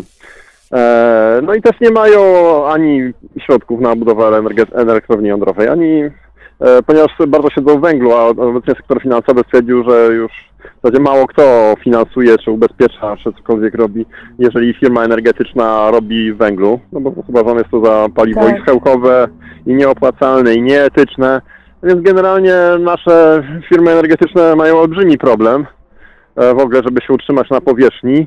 Jeżeli już, to raczej chcą iść w odnawialne źródła energii. Zresztą nawet się pojawił pomysł w ostatnich miesiącach, to zrobili Niemcy wcześniej, żeby z firm energetycznych wydzielić aktywa węglowe, no bo jeszcze jakiś czas i będziemy potrzebowali, żeby światła nie zgasły, jako toksyczne, a firmy będą się mogły skupić na bezemisyjnych źródłach energii, w pierwszej kolejności na odnawialnych źródłach energii.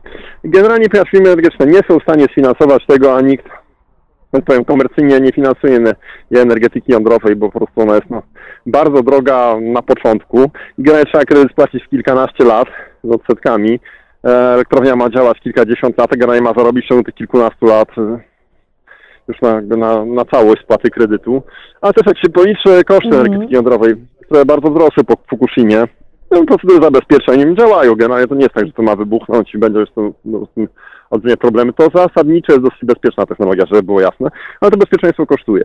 I co, to jest, co jest bolesne kwestii energetyki jądrowej, to, że o ile ceny rozwiązań energetyki odnawialnej, fotowoltaiki, tam wiatraków na lądzie, na morzu, baterii, e, wodoru, elektrolizerów, technologii efektywności energetycznej, elektromobilności i tak dalej spadają, no to koszty energetyki jądrowej tylko rosną i to jest niestety duży problem, że w zasadzie doświadczenia europejskie pokazują, że jak się umawiamy, że coś zostanie zbudowane za x pieniędzy w ciągu y lat, to należy to pomnożyć przez 3.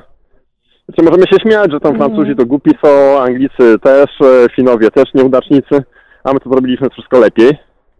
E, Ale jak na to patrzę, to mam poważne wątpliwości, czy my zrobiliśmy coś naprawdę lepiej. Znaczy tak, gdyby z- można było kupić reaktory, jak się kupuje w sklepie, tak, nie, Chińczycy by trochę robili, że schodzą z taśmy, wiadomo co się kupuje, na kiedy, za ile to jest sprawdzone, działa. Pewnie byłby jakiś sens. A, a dzisiaj widzenia dekarbonizacji raczej no i polityka Unii Europejskiej też sprzyja temu, żeby jakby odnawialnym źródłem energii, może i niestabilnym, ale o bardzo niskich kosztach krańcowych, uzupełnianych przez magazynowanie energii docelowo. Tu jeszcze pojawia się kwestia gazu, bo gaz ziemny generalnie jest B, jest to paliwo wysokoemisyjne i trzeba z niego też będzie odejść e, w- no, do połowy stulecia.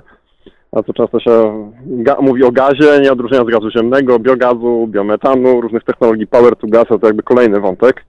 Ale wracając do pierwszego Tak. pytania, czemu nie ma energetyki jądrowej w Polsce? E, chyba głównie nie ma na to pieniędzy. Po prostu jest za drogo. Mhm. I to jest główny czynnik. Mhm. A poza tym e, A czy- lobby węglowe też swoje dorzuciło, torpedując pracowicie energetykę jądrową, postrzegając ją jako zagrożenie dla pozycji związków zawodowych w górnictwie i tak dalej. Niestety te kwestie polityczne i takie społeczno-gospodarcze też e, pewną rolę grały. Było też drugie pytanie, przypomnij. No niewąt... e, niewątpliwie, to- niewątpliwie rzeczywiście lobby węglowe tutaj musiało mieć drugą, mieć bardzo ważną rolę. E, Wiesz co, No e, i drugie miało, pytanie były na stołach było- sejmowych, to po prostu waliło po oczach. Tak, no lobby węglowe wiadomo, bardzo efektywne jest e, jednak blokowanie jakichkolwiek Zawsze coraz mniej efektywne, e, znaczy źródeł. górnicy już myślą, jak zapewnić No. sobie przyszłościowe miejsca pracy, tylko związkowcy, którzy nigdy nie mieli takich konfitur, jak tych wszystkich, no, w tajemniczej mówił o mafijnych układach, tak? E, Jak się górnikom zaoferuje Mhm. dobre alternatywne miejsca pracy, to czemu nie? No, nie wiem jak ty, ja nie paliłem się do pracy w kopalni, to jest naprawdę ciężka praca, niebezpieczna Mhm. i jak mi to proponowano, nawet za troszkę mniejsze pieniądze, jak już porównywalne generalnie w warunkach bezpieczniejszych na powierzchni, to zupełnie mam nic przeciwko. Mhm. A powiedz właśnie, to drugie pytanie, zanim, zanim e, ja od siebie zadam pytanie tutaj, to powiedz, e, e, to pytanie dotyczyło zużycia wody przez elektrownię atomową. Jak ono się ma w odniesieniu do zużycia wody przez elektrownię węglową, która wiadomo, że w swoich procesach sporo, sporo tej, tej wody potrzebuje? Jak to jest w przypadku atomowej? No dobrze, elektrownia jądrowa i konwencjonalna, może w dwóch słowach najpierw. Elektrownia węglowa działa tak, że mamy jakieś palenisko, które podgrzewa mm, parę wodną pod ciśnienie, no i ta para kręci turbiną i ta turbina generuje prąd. Elektry- Elektrownia jądrowa działa tak samo, tylko zamiast paleniska z węglem mamy reaktor jądrowy, który podgrzewa parę, która kręci turbiną, która produkuje prąd. Czyli jak energetyka węglowa, elektrownie węglowe potrzebują wody do chłodzenia tego wszystkiego. E, bo jest w termodynamice musimy mieć różnicę temperatur, tak? E, więc trzeba efektywnie Mhm. chłodzić, e, żeby mieć wysoką sprawność procesu. E, no to jest podobne zużycie na moc jednostkową jak w energetyce węglowej. I on też może być różne. Można mieć e, otwarty obiekt, można mieć e, chłodnie kominowe, które e, lepiej sobie radzą z chłodzeniem, też nie zrzucają ciepłej wody. Więc powiem tak, to oczywiście trzeba to umieszczać w miejscach, gdzie jest dużo wody do dyspozycji. E, W energetyce jądrowej też e, jeszcze jest istotny Mhm. element taki, że jeżeli dochodzi do jakichś problemów, bywa, na przykład ener- elektrownia jądrowa, taka konwencjonalna, uranowa, e, działa w ten sposób, że mamy rozszczepienie hmm, e, jąder uranu 235. Generalnie, e, Jądro z góry układu okresowego rozpada się na dwa mniejsze i tam jeszcze ze trzy dodatkowo neutrony wylatują we wszystkie strony. I teraz te dwa jądra Aha. ze środku układu okresowego, które powstają po rozpadzie tego ją- jądra uranu, one są niestabilne promieniotwórczo. One się rozpadają w przeciągu sekund, minut, godzin, tygodni i przy tym po- jest produkowana energia. Więc nawet jak reaktor wyłączymy, tam nie wiem, stosując pręty kadmowe, szczególnie wstrzymując tą reakcję, to moc reaktora nie spada do zera, tylko tak generalnie spada powiedzmy Mhm. do procenta jego mocy nominalnej. No, niby fajnie, tak jak taki reaktor miał moc Mhm, gigawata, znaczy mamy ciepło powyłączeniowe 10 megawatów, tam po iluś tam godzinach. No i to 10 megawatów to jest tak 10 tysięcy grzałek po kilowacie. Jak tego ciepła nie odprowadzimy, to po prostu Mhm. roztopi całe ustrojstwo. E, Więc dlatego mm, potrzebne jest to źródło wody do awaryjnego chłodzenia, że jak dojdzie do jakiejś awarii, to reaktor nam się nie stopi ze wszystkiego różnymi niemiłymi konsekwencjami, tylko będziemy mieli wodę, która będzie mogła to ciepło powyłączeniowo odprowadzać. Na przykład w Fukushimie mieli ten problem też, tak, że Mhm. e, reaktory po prostu się stopiły, bo, wyłączy, bo pompy im siadły. No to jest kwestia zapewnienia i pomp i tego, że była woda. Generalnie tego typu instalacje stawia się gdzieś nad jeziorami albo nad brzegiem morza. To miejscami też jest trochę czasem śmieszne, że zaczyna być ryzykowne, bo jak patrzę na elektrownie atomowe gdzieś na Florydzie, które stoją e, w miejscach, które jak trochę wzrośnie nam poziom morza i przyjdzie huragan, prostu mogą być zalane, e, no to znaczy, trzeba to Mhm. wziąć wszystko pod uwagę. Mhm, mhm. No powiedz, czy w ogóle, e, bo jest parę różnych czynników, które sprawia, że energetyka jądrowa wydaje się nie być dobrym wyborem. I z jednej strony właśnie chociażby te dwie rzeczy, które przychodzą do głowy, to chociażby ta konsumpcja wody, kiedy, ale z drugiej strony mam wrażenie, że jeżeli byśmy chcieli zastąpić węgiel energetyką jądrową, to trochę idziemy z pewnego z jednego reżimu w drugi i nadal zostajemy w tej e, To bardzo scentralizowanej reżim wielkich, sterowanych centralnie No z bloków, oczywiście. Dlatego Tak. wielka energetyka korporacyjna lubi elektrownie dokładnie. jądrowe, bo to jest wielkie i korporacyjne, a nie, energia, a- nie energia trafia No pod właśnie. strzechy. Tak wiesz, jak masz, nie wiem, własną fotowoltaikę, Tak, to jest nadal a gdzieś energia- tam jakaś lokalna biogazownia, Tak. a jeśli siedzisz w domu zeroenergetycznym, którego praktycznie nie trzeba ogrzewać i tankujesz swój, tankujesz w cudzysłowie swój samochód Mhm. elektryczny własnym prądem, to jakim ty jesteś konc- klientem dla koncernów energetycznych? Ile to od nich kupisz węgla, gazu, ropy, No właśnie. prądu? No do kitu klientem jesteś, tak? Więc oczywiście koncerny krzywo patrzą na wypłatę Tak. energetyczne i wolą, żeby to było to, co dotychczas, tylko zamienimy węgiel na atom. No, to jest oczywiste z ich e, punktu widzenia. Chociaż na zachodzie już się w większości rozstały z tym Tak. myśleniem i idą w nowe. U nas ciągle jeszcze no jest chęć tego utrzymania wielkiego energetycznego status quo, ale koszty są tak zaporowe, że znaczy to jest tak, z punktu widzenia redukcji emisji, my chcemy redukować emisję, em, znaczy i każda złotówka można nam dać jakąś redukcję emisji. I najlepsze redukcje emisji mamy inwestując w efektywność energetyczną i w odnawialne źródła energii. Atom jest dalej Mhm. na liście, więc przeznaczając e, jakąś kwotę na atom, powodujemy, że będziemy mieć mniejszy spadek emisji, niż gdybyśmy zainwestowali w efektywność energetyczną i OZA. Przy czym powiedziawszy to, powiem jeszcze tak, e, Mhm. tu mamy problem ostatnich kilku, kilkunastu procent miksu energetycznego. Bo na źródła energii, takie najtańsze, najbardziej rozpowszechnione, jak wiatr i słońce, mają ten cel, że no, czasem wieje, czasem świeci, a czasem nie. A my chcemy mieć prąd zawsze. Nawet jak będziemy tam sterować popytem, magazynować i tak dalej, no to są problemy. E, I Tak. pytanie, jak dopiąć tych ostatnich kilka, kilkanaście procent miksu energetycznego?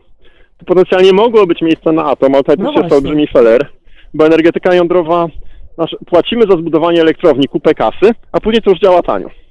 Więc żeby to miało jakikolwiek, żeby prąd był nam też tylko bardzo drogi, a nie horrendalnie drogi, to to musi po prostu działać non stop pod sznurek. A jak my mamy cały czas, y, nie, wiem, nie mamy prądu przez kilka, kilkanaście procent czasu i tylko wtedy chcielibyśmy mieć ten prąd z atomu, no to wtedy byśmy sprzedawali, nie wiem, jedną dziesiątą prądu z tej elektrowni atomowej, tak? To wtedy, w- jeżeli kraj Tak. polega na energetyce jądrowej, tak jak Japonia, to ustala przepisy tak, że prąd z atomu ma zawsze priorytet, a inne źródła energii są daleko w kolejności. Generalnie powoduje, że jak postawiamy, stawiamy na atom, to po prostu jakby eliminujemy z miksu energetycznego odnawialne źródła energii. To jest zupełnie inny system. Tu mogą być pewne rozwiązania, które się No pojawiają. właśnie. W generalnie E, Tak czy inaczej, oczywistym wnioskiem jest, że będzie elektryfikacja wszystkiego. Bo i wiatr, i słońce, i atom produkują prąd. I efektywność energetyczna też generalnie jest dobra dla Mhm. wszystkich. Oprócz wielkiego big energy, tak, które nie chce efektywności energetycznej, bo wtedy mniej sprzedaje energii, ale też jakby pomijmy ten wątek. E, I jest kwestia magazynowania energii. W Tak. przypadku wiatru i słońca ona jest oczywista. W przypadku atomu też, bo atom chce pracować pod sznurek, a my energii nie potrzebujemy pod sznurek, a czasem Mhm. produkują za darmo wiatr, słońce. Więc w tym momencie magazynowanie tych nadwyżek prądu robionego, Tak. jak, już się, jak już działa elektrownia jądrowa prawie gratis, no to w tym momencie można to magazynować też w wodorze. Tak więc w zasadzie, czy będziemy mieli źródła takie jak wiatr, słońce e, czy atom, to będziemy to magazynować czy w wodorze, czy w e, bateriach, czy w cieple na przykład e, przejścia fazowego, czy czymś tam jeszcze, bo ciepło też się fajnie magazynuje bardzo tanie, a w budynkach to jest bardzo no, pożądane magazynowanie ciepła, tudzież chłodu. Ale to jest jakby Mhm. osobny wątek, więc e, Mhm. Znaczy to jest tak, atom może mieć swoje miejsce, ale obecnie inwestycja w atom była po prostu najmniej skutecznym sposobem na dekarbonizację polskiej gospodarki, w mojej opinii, żeby było jasne. E, no, to jeszcze można jeszcze gadać długo na ten temat. Ale czy uważasz, że w takim razie ale czy uważasz, że w takim razie miks energetyczny w Polsce oparty na zdywersyfikowanych e, źródłach energii odnawialnej e, jest możliwy? Czy rzeczywiście w tej chwili Jest bez możliwy. jeszcze tak tanich, dostępnych e, Nie jest możliwy bez już tanich, dostępnych jeszcze źródeł magazynowania tej czym jest energii? parę ale. Znaczy, żeby było jasne, wchodzimy w temat dosyć Mhm. ekspercki, poznałem to powiedzieć e, maksymalnie prosto, także trochę poukładać słuchaczy. Znaczy, my generalnie Mhm. chcemy mieć usługi energetyczne, także wiesz, jak się umówię z tobą na piwo, albo na coś bezalkoholowego, bo to wiesz, jesteśmy na antenie, tak, na lemoniadę, no to żeby Cię wygodnie dostać, Cię w Tak. była dobra temperatura, żeby się nie marzli, no i żeby ta lemoniada była dobrze schłodzona, tak? I generalnie Gucio mnie obchodzi, ile paliwa zużył Aha. pojazd, którym dojechałem, myślisz o tym? Ile gigajuli poszło na ogrzewanie swojego mieszkania, albo ile kilowatogodzin zużyła lodówka? No nie myślimy o tym, tak? My chcemy mieć tą schłodzoną lemoniadę u zioma. E, No i teraz Tak. tak. dowcip, że te same usługi energetyczne nawet lepsze, zużywając jedną trzecią mniej więcej energii tej, co obecnie zużywamy. W domach zeroenergetycznych, w transporcie zelektryfikowanym, zbiorowym, e, produkując rzeczy trwałe, łatwe w naprawie. E, więc e, generalnie e, priorytetem jest efektywność energetyczna. E, a jak już zetniemy zużycie zapotrzebowania na prąd, to możemy się oprzeć i na wietrze, i na słońcu, i na biogazie, biomasie. E, Biomasę, trzeba powiedzieć ostrożnie, żeby nie przesadzić, bo biomasa może być, e, no, konkuruje z żywnością, z ekosystemami, więc e, nie za dużo. Ale powiem tak, 90% miksu opartego na OZE można mieć bez problemu przy obecnych technologiach. Gdyby pojechać po bandzie z uprawami energetycznymi, można mieć i 100%. Nie chciałem mieć tak dużo upraw energetycznych, Aha. więc raczej obstawiam takie technologie jak magazynowanie w wodorze, ciepło, magazynowanie w cieple przejścia fazowego, e, czy tam jeszcze parę różnych rodzajów baterii. Najlepiej bez jakichś takich związków Mhm. jak kobalt czy inne rzadko dostępne, też nad tym się pracuje. Więc powiem tak, e, według mnie jest to jak najbardziej do zrobienia pamiętając, że każde wielkoskalowe źródło energii ma swoje problemy. Więc nie chciałem stawiać e, mnóstwo wiatraków, ani reaktorów, ani farm fotowoltaicznych, ani upraw energetycznych, ani elektrowni wodnych. Chciałem najpierw zracjonalizować życie energii, wtedy mniej trzeba będzie tego wszystkiego i będzie łatwiej, w sumie też taniej i z wielu względów lepiej. No właśnie, bo z drugiej Halo, halo. strony są pomysły na przykład o pokryciu e, pustyni Sahary panelami słonecznymi e, i mówi się, że To nie jest tak potrzebne, byś te wtedy słoneczne- tyle prądu, żebyś nie wiedziała, co No. z nim zrobić. Nie, to wystarczy No pokryć tak, wiesz, jakiś drobny kawałeczek. Tak, z drugiej strony też jest koszt przesyłu tego wszystkiego przez, e, przez morze, No prawda? oczywiście, ale więc- właśnie trzeba zbilansować, tak, ile, jak wiesz, na przykład możesz postawić reaktory i ileś elektrowni jądrowych, to ileś kosztuje, z drugiej strony możesz, wiesz, postawić ileś na przykład fotowoltaiki, postawić jakieś, e, e, wiesz, e, sieci przesyłowe, jakieś magazyny i to też można zbilansować. I też do niedawna wydawało się, że ta druga opcja będzie droższa, o tyle bardzo szybki spadek tych pierwszy, tych rozwiązań właśnie OZE, magazynowanie energii spowodował, że ta opcja właśnie odnawialnych źródeł energii niestabilnych już się robi tańsza ekonomicznie, nawet w 100%. Więc jak ktoś tam Mhm. 5 lat temu analizował, że atom bardziej się opłaca, to tak było, ale to było parę lat temu. Teraz to już się bardzo zmieniło. Aha. Aha. I ty I powiedz. zmienia się e, dalej, bo atom nie całą- chce ciągle stanieć. Nie, może stanieje i wtedy warto by przyjrzeć. To nie jest jedyny problem. W stronę że małych reaktorów, na przykład ich masowego rozpowszechnienia, zwiększają prawdopodobieństwo rozpowszechnienia się materiałów promieniotwórczych, tego, ktoś zrobi może nie bombę atomową, ale brudną bombę, bo te materiały promieniotwórcze będą łatwo dostępne. I generalnie no nie żyjemy w najlepszym z możliwych światów, a technologie jądrowe Mhm. też nie jest coś, co chce mieć w każdym kraju, bo, no bo ryzyka gwałtownie rosną. No tak. Najgorsza możliwa Tak. katastrofa z tym związana jest dużo gorsza niż najgorsza możliwa katastrofa twojego panelu fotowoltaicznego. Mhm. Jasne, że tak. Mm, A powiedz, y, mając właśnie tą wiedzę, którą masz, wiesz, na tak głębokim naukowym poziomie, jak ty, jak ty patrzysz na to wszystko? Czy masz optymizm, e, że, że, że damy radę, że, że politycy podejmą odpowiednie decyzje polityczne, że rzeczywiście głos naukowców zostanie wysłuchany i wiesz, i, Proszę was, tyle i tematów nie no do... to wiesz co, rozbij to na pięć pytań, dajmy sobie pięć modułów po to opowiemy. Y, Jak to powiedzieć? To żeby było jasne, mamy przegwizdane. Y, Generalnie No za długo właśnie. zwlekaliśmy z działaniami, że było dobrze i, i będzie boleć. Będzie bardzo boleć. Y, Pytanie jest tylko jak bardzo. Tak, czy wiesz, Mhm. Obrazowo mówiąc, wiesz, dojdzie do zdarzenia z rzeczywistością i pytanie, czy skończy na tym, że wiesz, nie, będziesz miała siniaki, potłuczenia, rany kłute i szarpane, czy będziesz miała połamane gnaty, czy zamienisz się w ogóle, w ogóle w mokrą plamę. I generalnie w takiej sytuacji obecnie jesteśmy. Za długo zwlekaliśmy i teraz niestety musimy, no powinniśmy działać jak najwięcej e, zrobić, e, żeby mniej bolało i żeby konsekwencje były mniej złe. No wiesz, to wszystko się dzieje, tak, już wiesz, mamy zagwarantowany wzrost poziom morza o parę metrów na świecie stopniowo, już ileś tam gatunków szlak trafił, już e, ruszają migracje klimatyczne coraz Tak. bardziej kolejnymi milionami ludzi. I to jakby, wiesz, się będzie nasilać, tak? Tak. To też wolisz mieć na świecie, nie wiem, 50 milionów migrantów klimatycznych, a nie 500 milionów, tak? Albo 5 miliardów, tak? Pomyśl, co wtedy by Mhm. się działo, wiesz, z stabilnością geopolityczną świata i wszystkimi implikacjami tego, tak? Więc im dalej to zajdzie, Mhm. no tym większy problem będziemy mieli. A kiedy to prze, spowoduje przesilenie możliwości adaptacyjnych naszego społeczeństwa i cywilizacji, jakiś ogólny kolaps? Nie wiem. E, Po, a ponieważ nie wiem, to wolę być po bezpiecznej stronie tego zamieszania, czyli zrobić jak najwięcej, jak najszybciej, żeby, żeby nie ściąć tej gałęzi, na którą no, siedzimy. Jasne, Zaczynają się lepiej tej ten gałęzi, tak? On się żyje tak dobrze, jak nigdy w historii ludzkości, a generalnie gramy w sposób zupełnie bezmyślny. Aha. To jest trochę tak jak z zakładem Pascala. E, On akurat, e, ten zakład Pascala dotyczył wiary w Boga.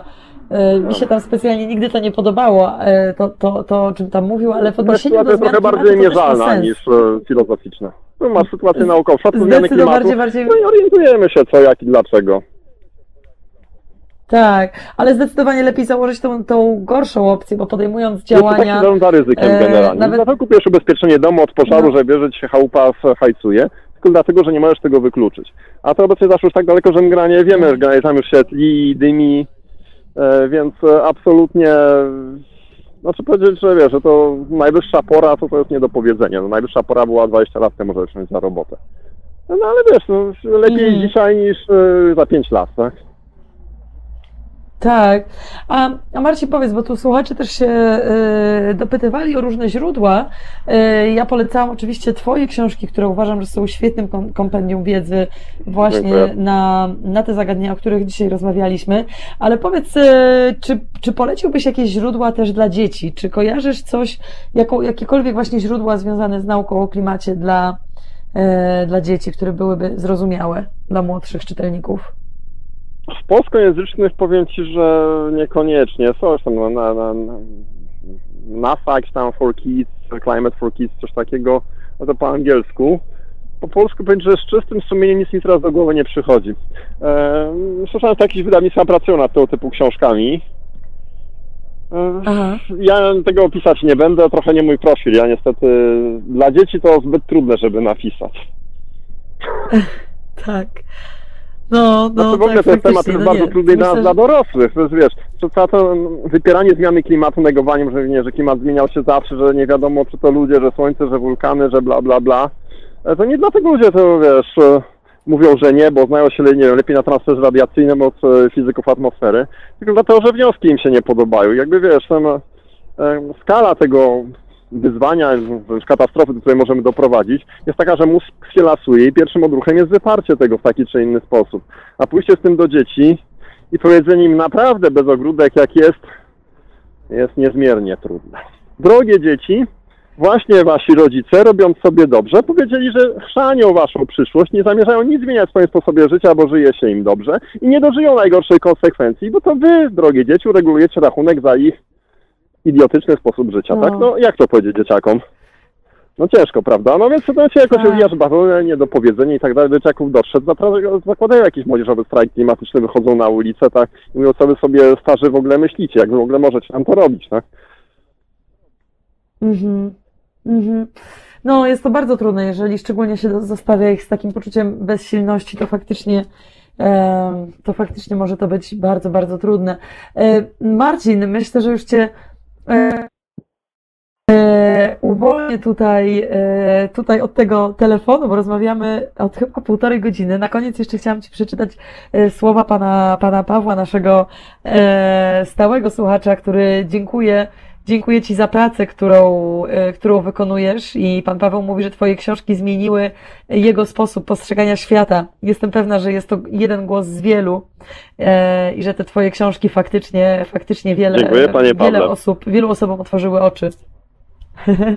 E, Marcin, ja Tobie bardzo dziękuję za, za tą rozmowę i za bardzo e, dobitne, szczere i głębokie tłumaczenie tych procesów, o które pytałam. E, Inni słuchacze też się dołączają do Ja tych nie jestem politykiem, nie, nie owijam w bawełnę. Nie, nie, nie muszą mnie wybierać na żadne stanowisko, więc nie muszę mówić, że wszyscy będą piękni, młodzi i bogaci. No właśnie, dlatego tak chciałam właśnie, żebyś wziął udział w tej, w tej audycji, bo wiedziałam, że e, Twój głos jest bardzo stanowczy, jak zawsze, ale to jest, to jest bardzo Ach. ważne. E, dzięki, dzięki Ci Marcin, miłego wieczoru i jestem pewna, że do usłyszenia niedługo. No, dzięki w takim razie. Miłego wieczoru dla wszystkich słuchaczy. Dziękuję. Do usłyszenia. E, e, cieszę się bardzo, że się Państwu podobały. E, też, że wspominają Państwa, państwa, Państwo książki, książki Marcina Popkiewicza. E, przypomnę, rzeczywiście książka Świat na rozdrożu, właśnie ją trzymam w ręku. Bardzo, bardzo dobre omówienie e, zagadnień związanych ze zmianą klimatu i Marcin rzeczywiście te tematy, które dzisiaj poruszaliśmy, one trochę przebiegają w zgodzie ze spisem treści tej książki, bo Marcin rzeczywiście mówi tam zarówno o fizyce e, atmosfery, Ziemi i o tych wszystkich procesach geologicznych, o których mówiliśmy, o punktach krytycznych, ale też mówi o systemie gospodarczym, o energetyce i o tym, e, o polityce klimatycznej, jak to się może i czy się może zmienić. E, to jest jedna z tych książek, które polecam. Drugą książką jest Nauka o klimacie, e, również, również bardzo ciekawe źródło wiedzy. I w ogóle właśnie, tak jak wspomniałam wcześniej, Marcin jest, pisze do, na portale Ziemia na rozdrożu i nauka o klimacie, więc warto, warto to śledzić. Zresztą chyba nikomu nie muszę przedstawiać e, postaci, postaci Marcina Popkiewicza. Bardzo się cieszę, że wziął udział w tej, w tej audycji. Na koniec jeszcze chciałam Państwu przedstawić e, dwie inicjatywy, o których obiecałam wspomnieć, e, mając nadzieję, że któraś z nich Państwa zainteresuje. Dosyć sporo rozmawialiśmy też na temat zmiany klimatu i problemów e, również z wodą e, w Afryce. No i właśnie trochę odnośnie tego jest bardzo ciekawy, ciekawe wydarzenie organizowane w Warszawie w dniu jutrzejszym, jutrzejszym przez Polski Instytut Spraw Międzynarodowych e, pism, skąd właśnie jeden z Jeden z przedstawicieli pismu, Jędrzej Czerep, też był w naszej audycji, mówił na temat zmian klimatu w Afryce.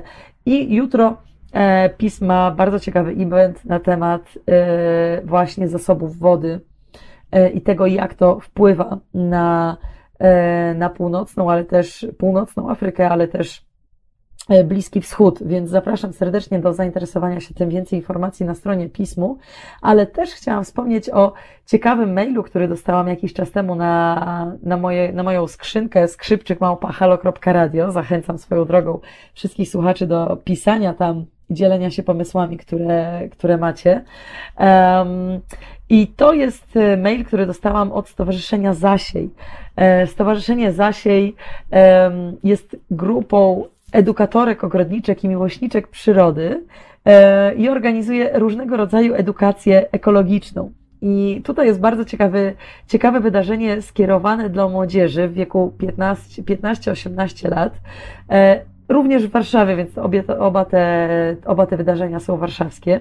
E, I to Stowarzyszenie Zasiej organizuje pod koniec sierpnia bezpłatne warsztaty właśnie dla młodych ludzi, e, warsztaty właśnie na, temat, e, na tematy ekologiczne, e, na temat ogrodów miejskich, na temat hodowania własnych warzyw, na temat ekosystemu, który jest, który, jak ważne dla ekosystemu są pszczoły, woda, kompost, tego rodzaju taka też, można powiedzieć, podstawowa wiedza dla młodych ludzi.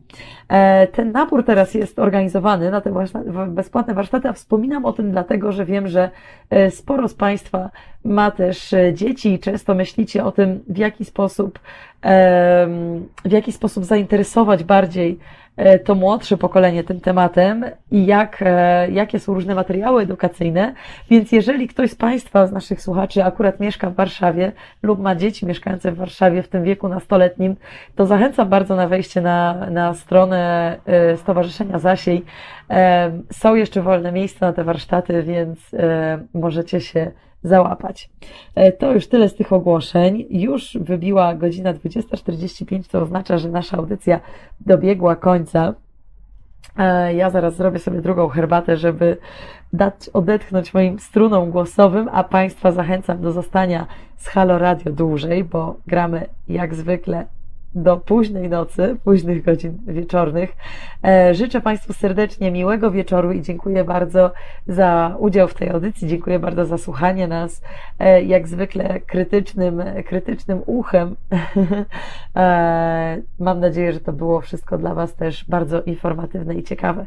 Do usłyszenia już za tydzień i dobrej nocy.